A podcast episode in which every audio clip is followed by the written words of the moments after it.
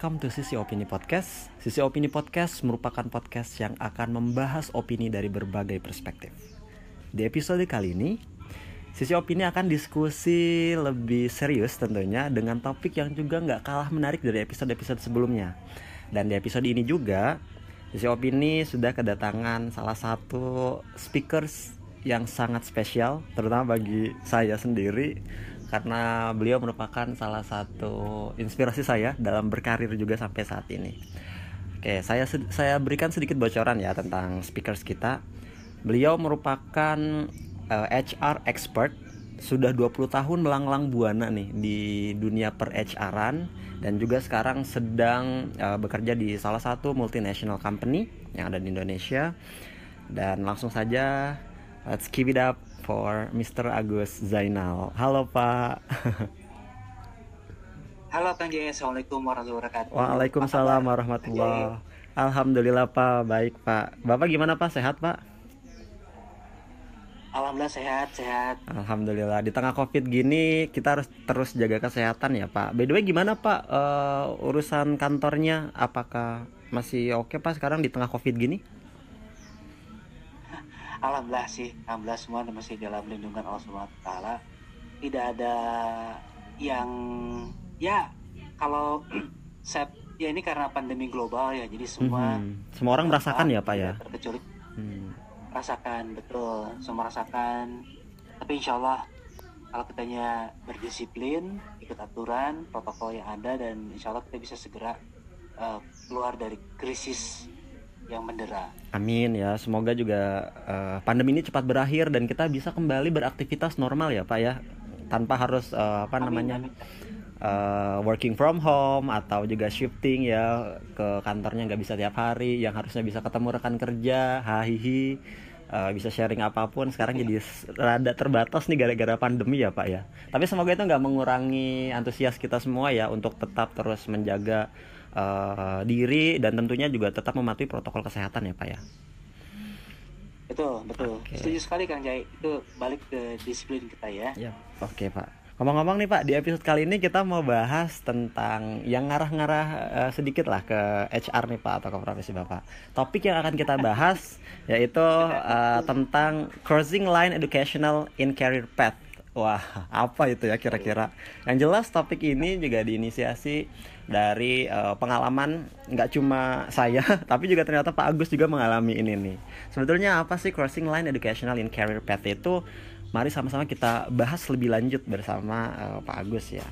By the way Pak di crossing line educational in career path yang jelas uh, Bapak juga mengalami nih ya Pak ya. Gimana sih Pak uh, ya yang Bapak alami tentang crossing line educational di career path-nya?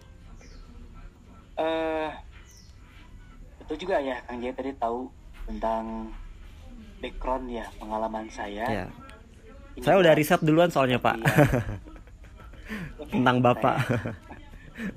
Tuh, tuh. Ya, saya juga uh, ini tidak hanya kita Kang Jaya. Betul. Hmm, banyak di luar sana juga. Tapi hmm. juga mengalami yang sama seperti hmm. itu.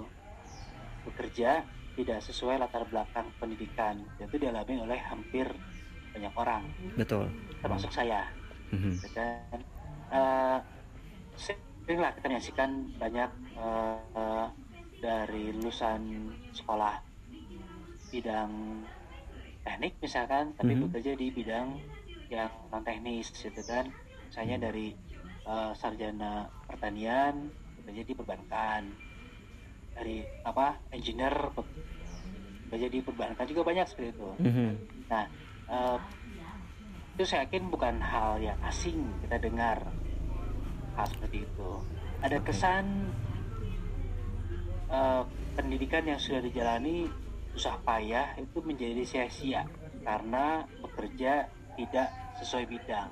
Atau dengan kata lain saya dianggap keluar dari jalur atau membelot atau istilahnya uh, sedang berada di uh, jalur yang tidak benar.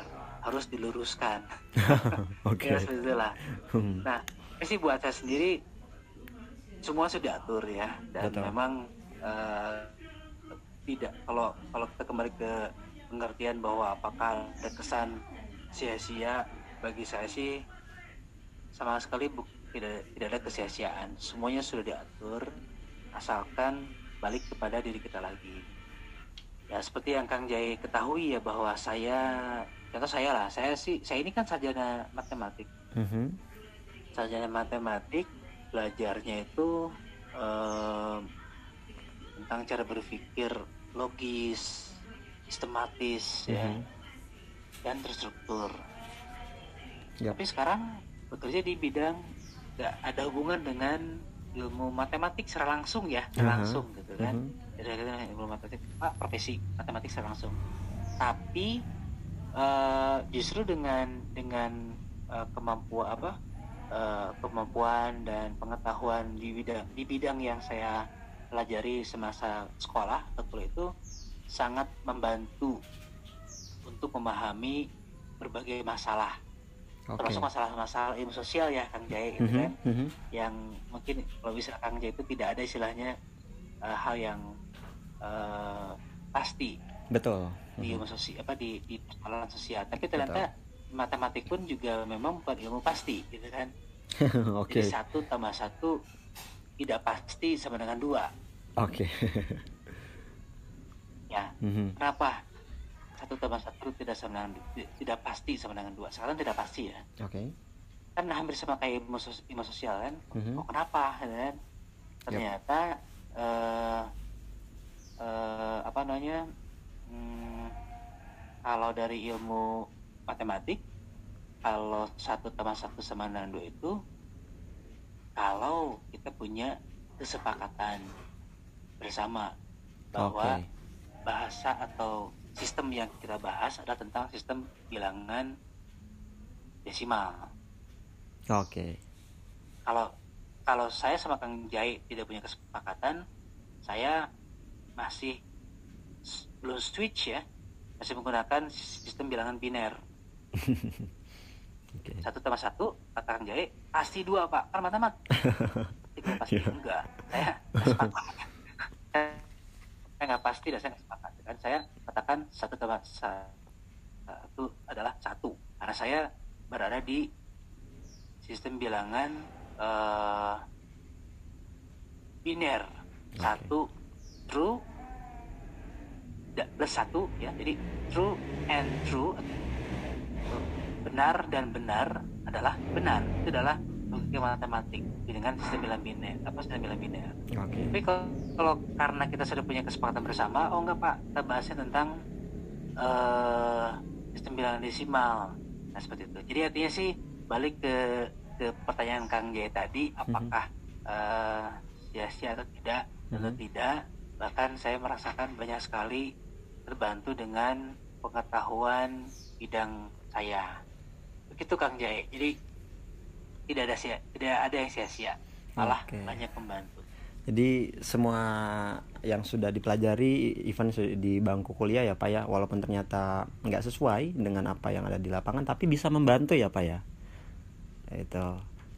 sangat sangat membantu sekali Oke. sangat membantu sekali Ngomongin- dan saya yakin juga Mhm. semua tahu lah apa ya Yap, hmm, setuju sih Pak. Terus nih Pak, em, ngomongin tentang masih eh, apa namanya berkarir tidak sesuai dengan background pendidikan nih Pak. Sebetulnya eh, planning dan apa ya bisa dibilang elemennya ya barangkali yang yang Bapak lakukan pada saat itu Pak. Bagaimana sih Pak? Bisa di share nggak Pak nih ke teman-teman yang lagi dengerin barangkali?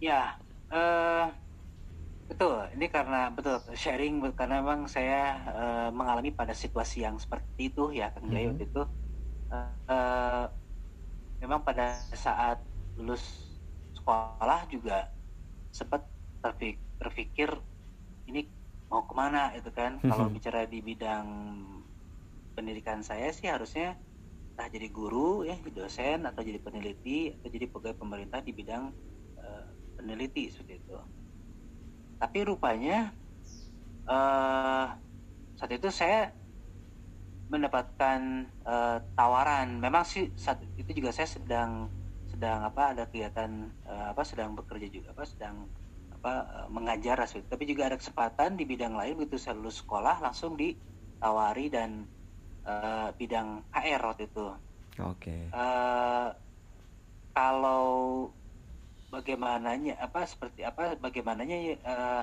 untuk berdamai dengan berdamai dengan keadaan waktu itu ya saya eh, memang dari dulu sejak saya masih sekolah ya SMA dan sebagainya itu selalu menggunakan perencanaan hidup itu terencana Oke. jadi pada saat memulai karir pun saya menggunakan perencanaan karir atau career planning.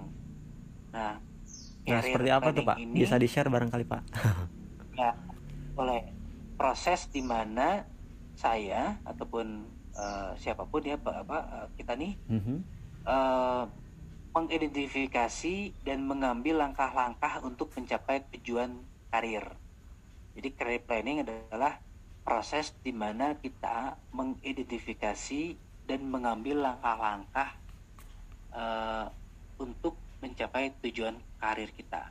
Itu itu itu yang itu yang saya eh, lakukan. Oke.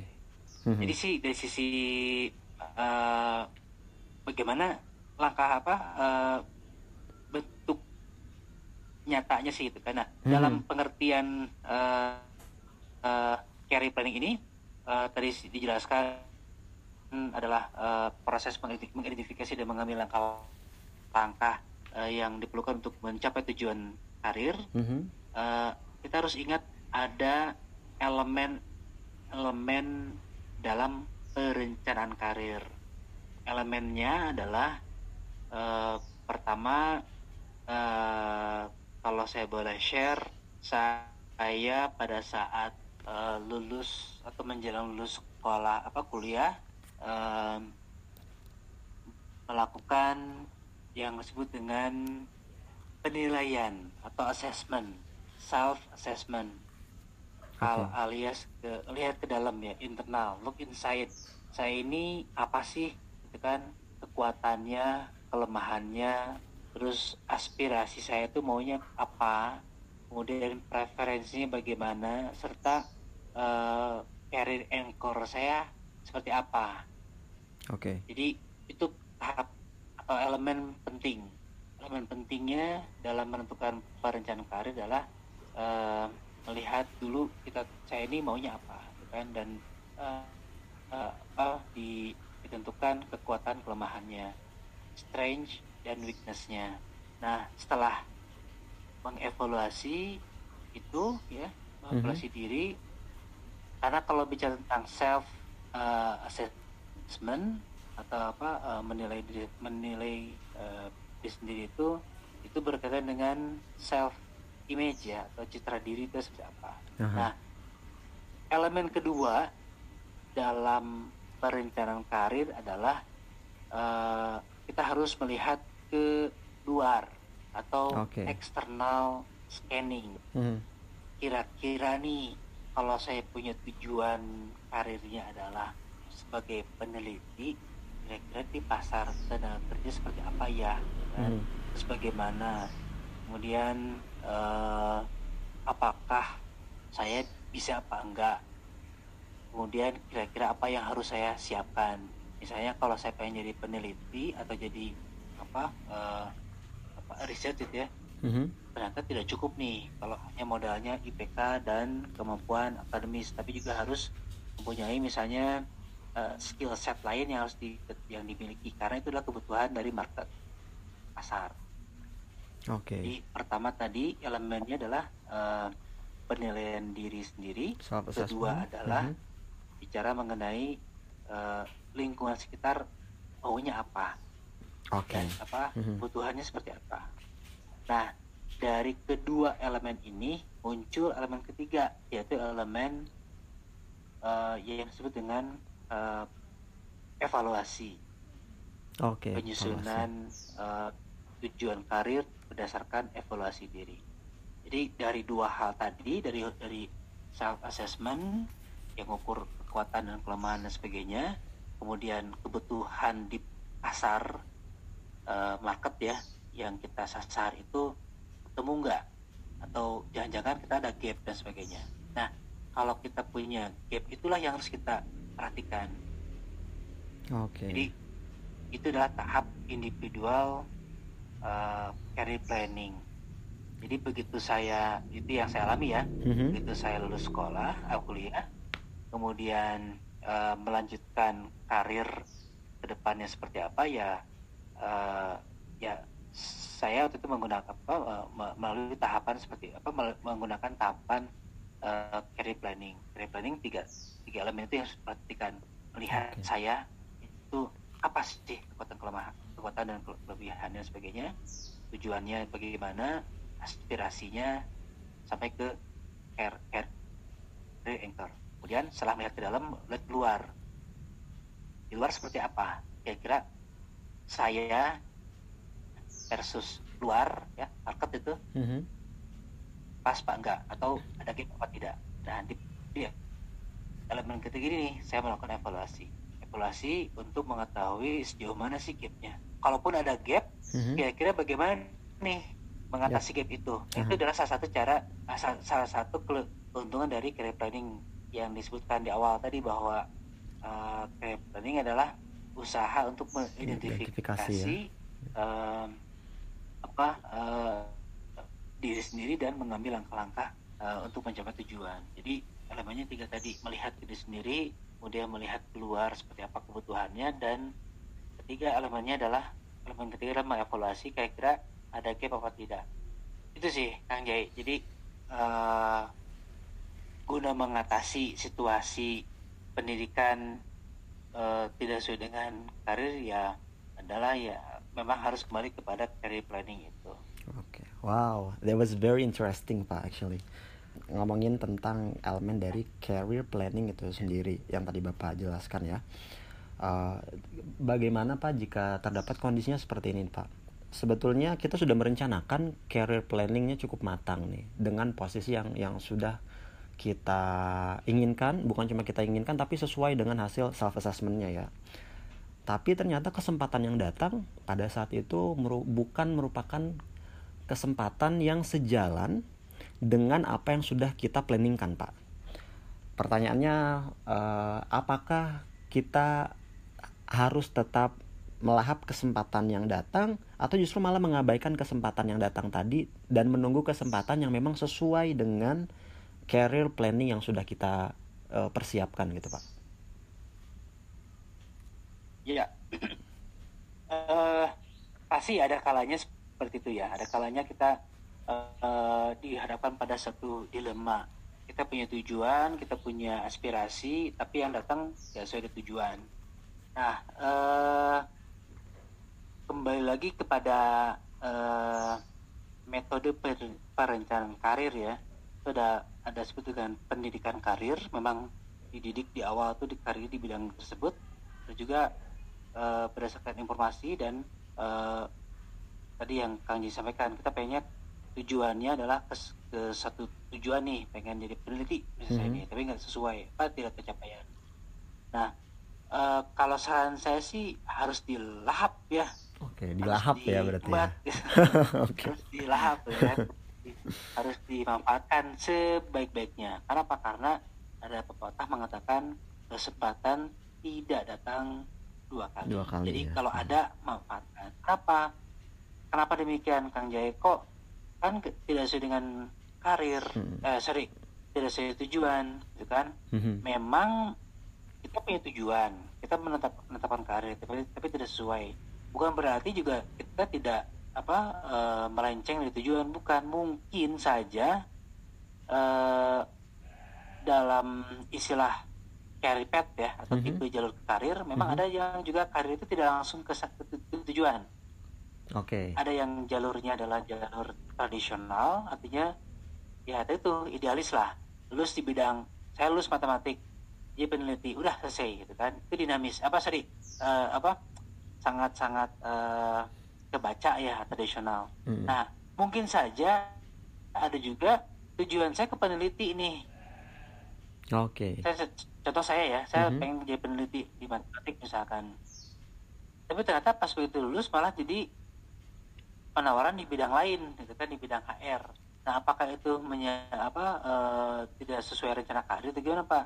Eh, ternyata tidak juga kenapa? Karena memang kalau bicara tentang jalur apa eh, jalur karir saya mungkin tidak tidak jalur karir yang sifatnya langsung ya Mhm. eh, apa tradisional forward mungkin ada sebut istilah jalur karir yaitu jalur karir spiral jadi melenceng dulu kemudian masuk ke nah biasanya kalau yang jalur yang pertama yang tradisional itu suka lama karena mungkin monoton untuk naik ke atasnya tapi Oh, kalau oke. jalur karir karir pathnya yang uh, spiral yang Mhm. melingkar mungkin saya harus ke peneliti eh malah masuk ke HR gitu kan yang spiral tuh di situ semakin cepat kan Jay Eh, cepat dalam arti pencapaian ke puncak karir Mhm. cepat juga dalam mencapai karir yang kita inginkan tadi itu Oke. Hmm. ternyata saya di bidang ya saya juga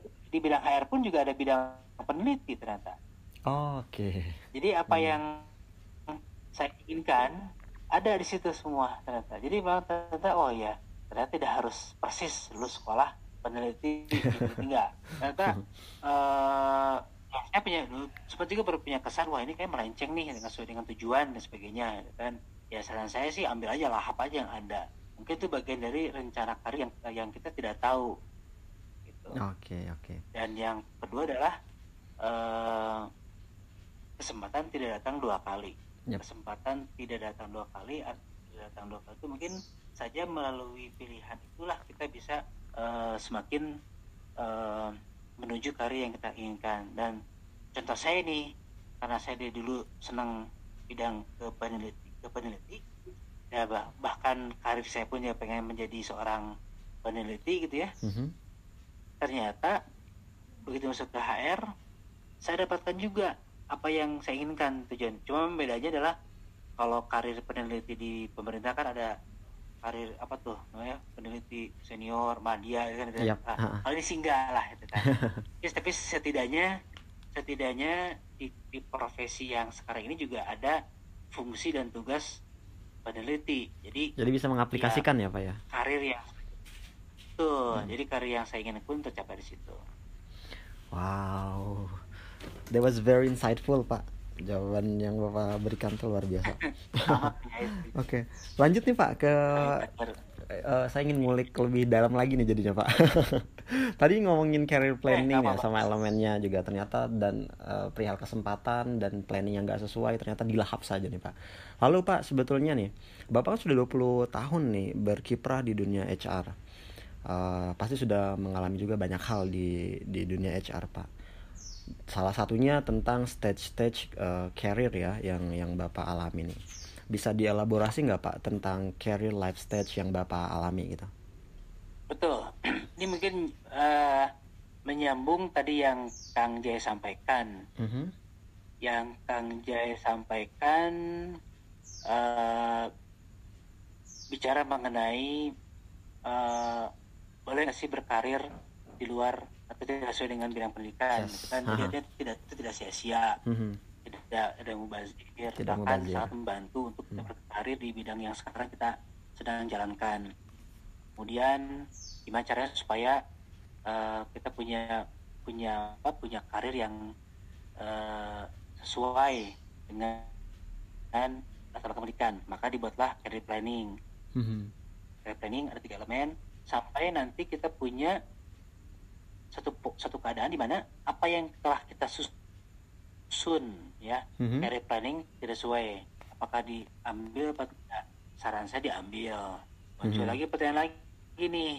Boleh nggak sih gitu kan? Atau nyambung nggak? Nyambung nggak? Nyambung gitu kan? Nyambung dengan eh, tengah jalan. Saya pengen pindah jalur lagi nih. Ya. balik ke, peneliti lagi gitu Mhm. kan? Mhm. Eh, sangat memungkinkan sangat memungkinkan kenapa karena tadi yang Kang Jaya singgung tentang career life Stage. stages Ya. ya Mhm. atau eh, ya jadi stages tahapan-tahapannya apa saja Mhm. memang kalau secara umum itu ada eh, lima ya lima tahap kalau kalau mungkin juga kalau di beberapa eh, teori ada mengatakan enam dari mulai growth kalau saya sih secara praktis lebih mengenal eh, lima tahap kalau yang enam tahap apa sekolah mental tuh dari mulai growth itu pasti dari mulai uh, pra lulus sekolah gitu ya.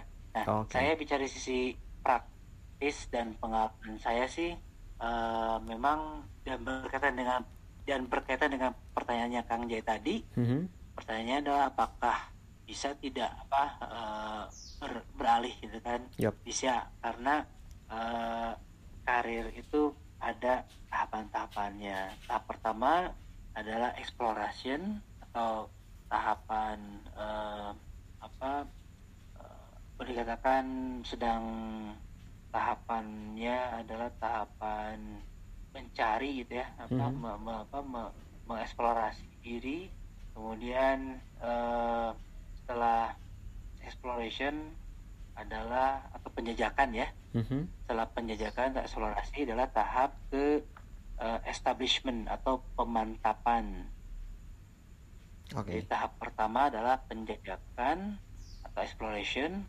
kemudian kedua adalah tahapan eh, establishment atau pemantapan, kemudian eh, biasanya adalah masuk ke tahap eh, mid career atau maintenance ya memelihara, Mhm. kemudian tahap keempat ya itu late career atau late career itu disebut dengan dengan eh, masuk ke tahap eh, mulai siap-siap untuk undur diri dari karir. Hmm, Retirement. ya? Nah, terakhirnya keenam, yang kelima adalah decline, betul. Oke. Nah, balik ke pertanyaan, apakah eh, setelah kita lahap semua yang kesempatan yang ada. Mhm. kemudian ada nggak kemungkinan untuk pindah lagi ke jalur yang benar, gitu Aha. ya? Yap. kembali ke jalan yang benar, yang diridhoi oleh bidang pendidikannya, Oke. bisa. Oke, Karena bisa apa? ya. Karena di tahapan eksplorasi itu kita akan eh, tahapannya masih penjajakan, masih mengenal, masih mencari tahu, masih tahapannya ada tahap eh, apa ya disebut dengan Kayak mix and match juga ya, Pak ya? Nyari-nyari yang pas betul, gitu ya, Pak ya? error, Nah. mix and match, gitu kan ngepas ngepasin Ngepas ngepasin ya, benar. Nah, jadi pada saat tersebut mungkin kalau menurut saya waktu itu, wah ternyata di bidang HR tuh dinamis ya, dinamik. Saya Hmm, orang dinamis, dinamik gitu kan, mhm. sering senang senang hal yang sifatnya eh, ya dinamika kan dengan orang itu. Yap. Pasti saya pas, gitu kan, cocok nih. Oke. Nah. Waktu itu saya ternyata tidak tidak berubah, Hmm. tidak loncat lagi ke peneliti, gitu kan.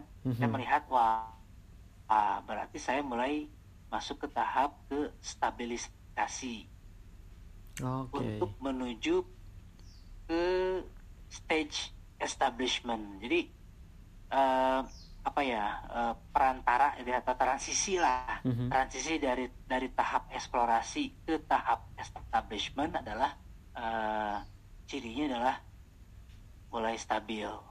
Oh iya ya, ternyata HR adalah bidangku kan gitu. Hmm, Oke. Oh ternyata ngedosenin apa eh, ngajar itu adalah bidang saya. Itu disebut dengan establishment.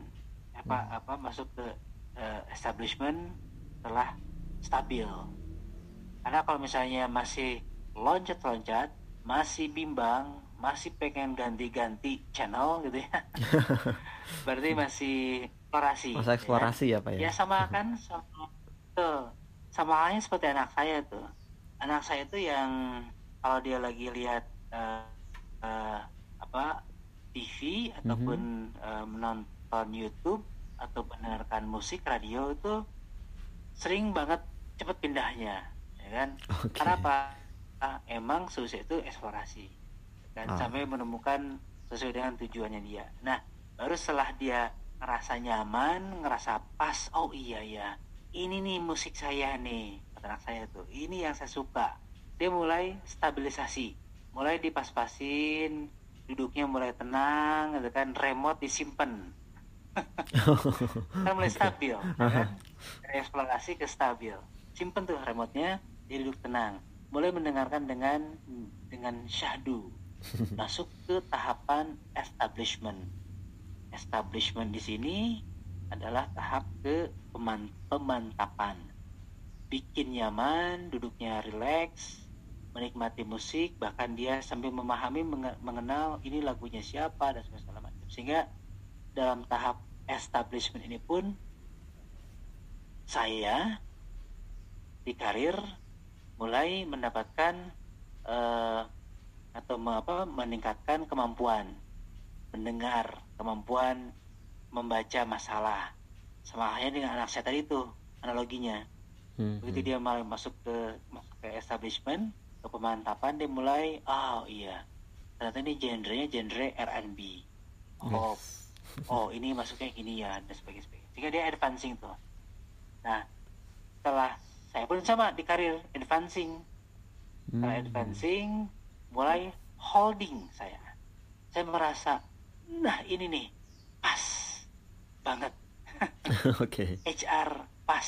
Karena ternyata apa yang apa yang saya idam-idamkan, yang tujuan karir saya, aspirasi saya ada di sini semua Kang Jai. Oke. Sama halnya dengan anak saya tadi tuh, dia mulai holding, dia mulai, nah ini musik yang saya sa- suka. Saya suka ngedance, saya suka eh, apa musik-musik yang yang apa yang ngebeat. Ah ini nih pas nih. Dia mulai holding, dia mulai larut dengan kehidupan sebagai orang HR. Anak saya pun larut dengan musik yang sedang didengarkan. nah, ini di usia sekitar paruh 40 40-an lah ya, sampai Oke. ke usia 50-an Mhm. mulai masuk ke tahapan yang berikutnya yaitu tahap eh, masuk ke tahap turun Oke. persiapan turun Mhm. tapi masih masih masih ke masih ke apa eh, apa tadi sorry sorry mid carrier tadi. Jadi pada saat pada saat eh, apa eh, holding itu masuk ke mid carrier. Nah Oke. masuk ke late career itu masuk ke tahapan atau transisi ke uh, decelerating. Jadi mulai menurun. Awalnya speednya cepet ya kan? Semangat.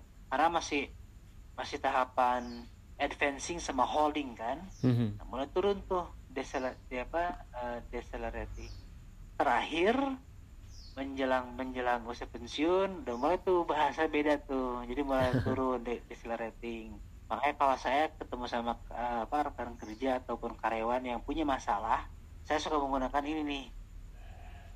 Karena gak mungkin saya punya keluhan pak anak buah saya tuh disuruh ini lambat banget pak dulu mau bagus dah nah, gitu kan karena Mhm. mau keren apa dulu mau cepat sebagainya Mhm. ya wajar lah orang udah mulai usia mau menjelang pensiun ngomong Oke. tentang masa depan yang nggak pas Mhm. tapi kalau ke, ke usia usia ke usia yang mau menjelang establishment ya jelaskan tuh tentang feature tentang apa pun itu pasti dia akan senang dia akan cocok nah itu pun dengan saya jadi nanti pada saat di usia terakhir di menjelang decline menjelang mulai withdraw dari life career jadi balik ke pertanyaannya Kang Jae Mhm. eh, apakah eh, apa eh, career life stage itu nanti gini di tengah jalan boleh nggak sih begitu saya ambil semua tapi saya pengen balik lagi ke jalur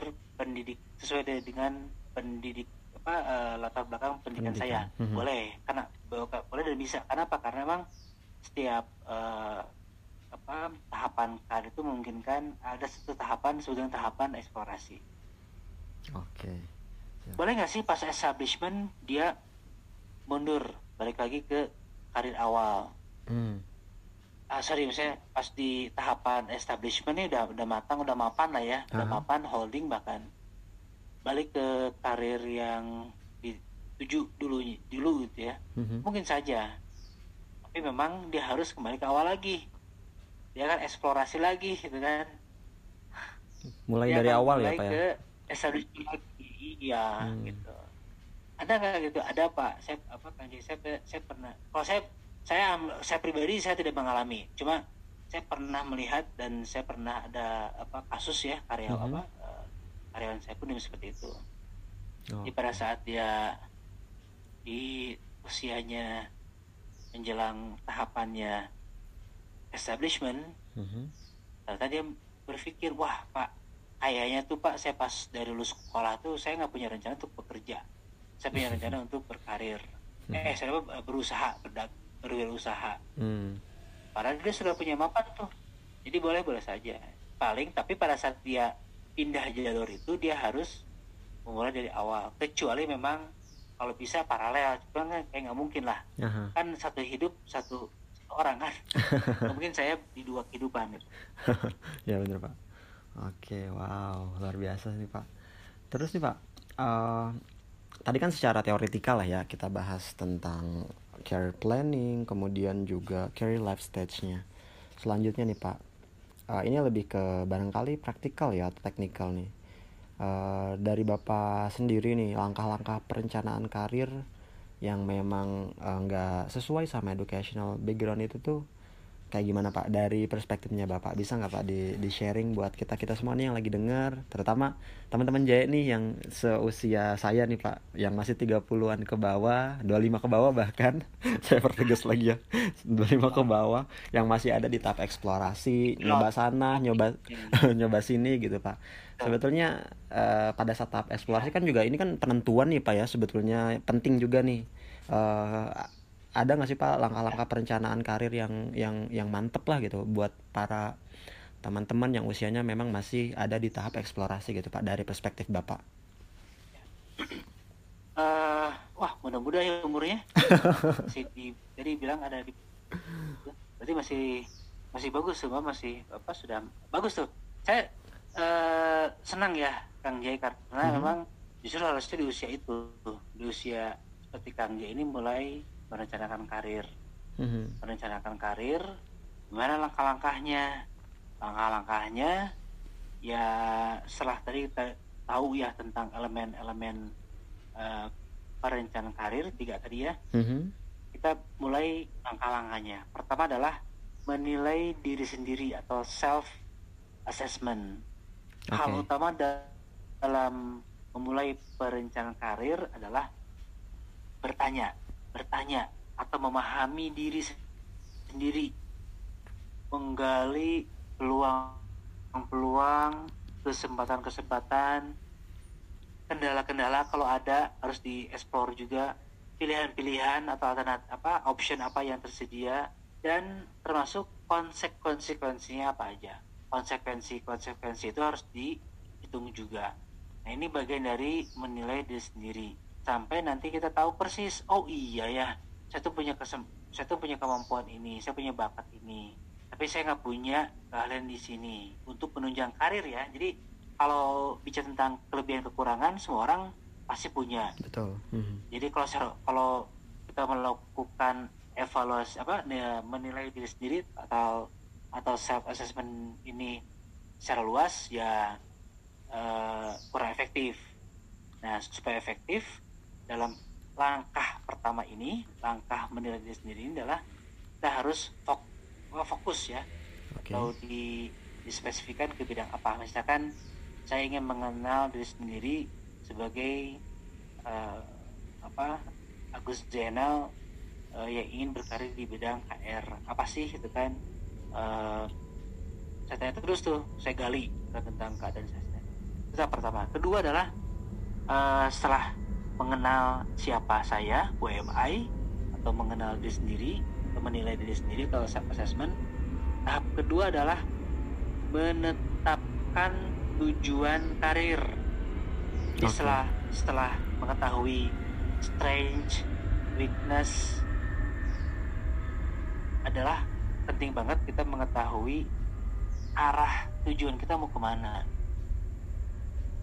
Mm -hmm arah yang ingin dicapai itu seperti apa bekerja okay. bagaimana hmm. bayang ya kayak kita punya apa punya kapal kapal besar kapal yang hebat punya hmm. kekuatan dan tahu nih kelebih kelebihannya dia cepat misalkan tapi ke kelemahannya dia angkut sedikit oke okay. okay. tapi kita tidak tahu nih kapal ini mau dibawa ke mana gitu kan yep. saya ini mau dibawa ke mana itu bahaya jadi setelah mengetahui apa, mengetahui tentang kelebihan kekurangan dan sebagainya, sebagainya baru menetapkan tujuan kita mau ke mana oke okay, okay. pak saya dengan kapal ini dengan boat ini kecil pak ukurannya tapi cepat cuma hanya cuma bis apa uh, hanya saja uh, kemampuan dia uh, mengangkut katakanlah 20 orang maksimal mm -hmm. nah Nah, berarti kan uh, karena cepat tapi jarak pendek, berarti kan uh, tidak bisa digunakan untuk jarak jauh. Mm-hmm. Artinya tujuannya pun harus sesuai dengan kemampuan kita. Jadi tahap dua adalah menentukan tujuan karir. Setelah tahu kelebihan kekurangan, kemudian kedua adalah tetapkan tujuan kita ke mana sesuai kemampuan kita. Yang ketiga adalah menyiapkan rencana-rencana. Jadi setelah tahu nih, oh, oke, okay, saya tahu saya kelebihannya cepat pak. Tapi kelemahan saya adalah gak banyak yang saya bisa bawa. Dan jaraknya pun pendek. Karena apa? Cepat pak. Nyampe maksudnya. Nah okay. setelah tahu itu baru tetap tujuan kita mau ke mana baru siapkan rencana-rencananya bagaimana. Rencana pertama berarti saya harus menentukan uh, apa uh, desain apa desain apa namanya menentukan tahapannya adalah apakah kita harus uh, me, apa misalkan kalau saya pada saat saya punya apa punya punya tujuan karir sebagai peneliti saya punya kelemahannya adalah di bidang uh, apa uh, teknik uh, meneliti misalnya tentang apa tentang filsafat uh, apa metodologi penelitian dan sebagainya mm-hmm. berarti saya harus memulai mengisi dulu kekurangan itu atau setidaknya saya uh, mulai mempelajari apa yang harus saya lengkapi sehingga saya bisa masuk ke bidang peneliti. Nah, setelah men menyiapkan rencana baru ke melaksanakan rencana atau implementasi. Jadi sih kalau uh, di saya apa yang saya alami demikian. Ketika saya mau menilai diri sendiri, saya saya punya kelebihan kekurangan dan ternyata dengan kelebihan kekurangan itu saya punya tujuan ingin jadi peneliti dan karena saya punya gap saya siapkan rencana-rencananya. Dan dari rencana rencana itu saya lakukan untuk dilaksanakan sesuai dengan rencana tersebut. Tapi memang uh, ya sekali lagi sih Kang Jaya mm-hmm. uh, kalau tahapan perencanaan ini kan sifatnya perencanakan kan. Artinya ada yang sesuai dan tidak. Kan ketika saya juga sama harusnya tuh saya misalkan nih contoh nih lima tahun saya selesai di perusahaan yang ini. Mm-hmm. kan itu tuh. Ternyata, ternyata enggak. Ternyata begitu saya menilai diri sendiri oh iya saya tuh ada ya ada ada kelemahan yang saya tahu. Okay. terus saya, saya pengen ke sana arahnya gitu kan. Pengen jadi apa ada satu tujuan yang saya, saya capai kemudian saya harus isi dengan apa apa apa sih kelemahan kekurangan kelemahannya? Oh tetap di situ. Saya akan isi itu terus yang ini pak mengenai mengenai karir ya. Mungkin saya akan ke Kang Jai. Mm-hmm. karir itu tidak harus bicara tentang karir di kantoran ya atau karir di pekerjaan. Okay. karir bisa saja karir di bidang misalkan jadi pengusaha itu pun mm-hmm. karir. Betul. Profesi jadi apa konselor dan sebagainya. Okay, jadi okay uh, berkaitan dengan how to-nya atau tahapan-tahapannya tadi itu yang di Kang sampaikan apa uh, saya yang saya sampaikan mulai apa mulai sendiri tetapkan tujuan sampai ke menyiapkan rencana dan menjalankannya. Oke. Berarti memang luar biasa ya Pak ya peran dari diri sendiri ya dalam menentukan career path itu juga sangat-sangat matters ya Pak ya. Oh. Oke. Okay. Jadi apa uh, kalau kalau itu kan mungkin bisa jadi sih tadi apa disebut jadi sebuah sebuah uh, pra konklusi ya kan mm -hmm. atau mm -hmm. jadi, jadi diskusi kita tadi itu semuanya hampir bermuara pada uh, mengenal kemampuan uh, diri sendiri seperti itu. Oke. Okay. Mengenal orang lain mm -hmm. ya atau mengenal lingkungan adalah kekuatan kelebihan ya strange strange oke okay. tapi mengenal diri sendiri adalah power oke okay, wow. know your enemy atau your external gitu ya atau Mhm. your environment is strange but know yourself is a power jadi Oke. betul dari Kang Jai semuanya bermuara pada ber- bermuara kepada diri sendiri mengenal diri sendiri Oke, luar biasa sekali Pak penjelasannya. Sudah nggak kerasa Betul. hampir satu jam kita ngobrol tentang career planning yang emang nggak sesuai sama educational background nih. Sebelum ditutup nih Pak, boleh Pak kasih closing statement terlebih dahulu karena biasanya di di podcast Jai ini di sisi opini eh, sebelum mengakhiri itu ada closing statement gitu as a conclusions from the, the episode gitu Pak. Silahkan Pak.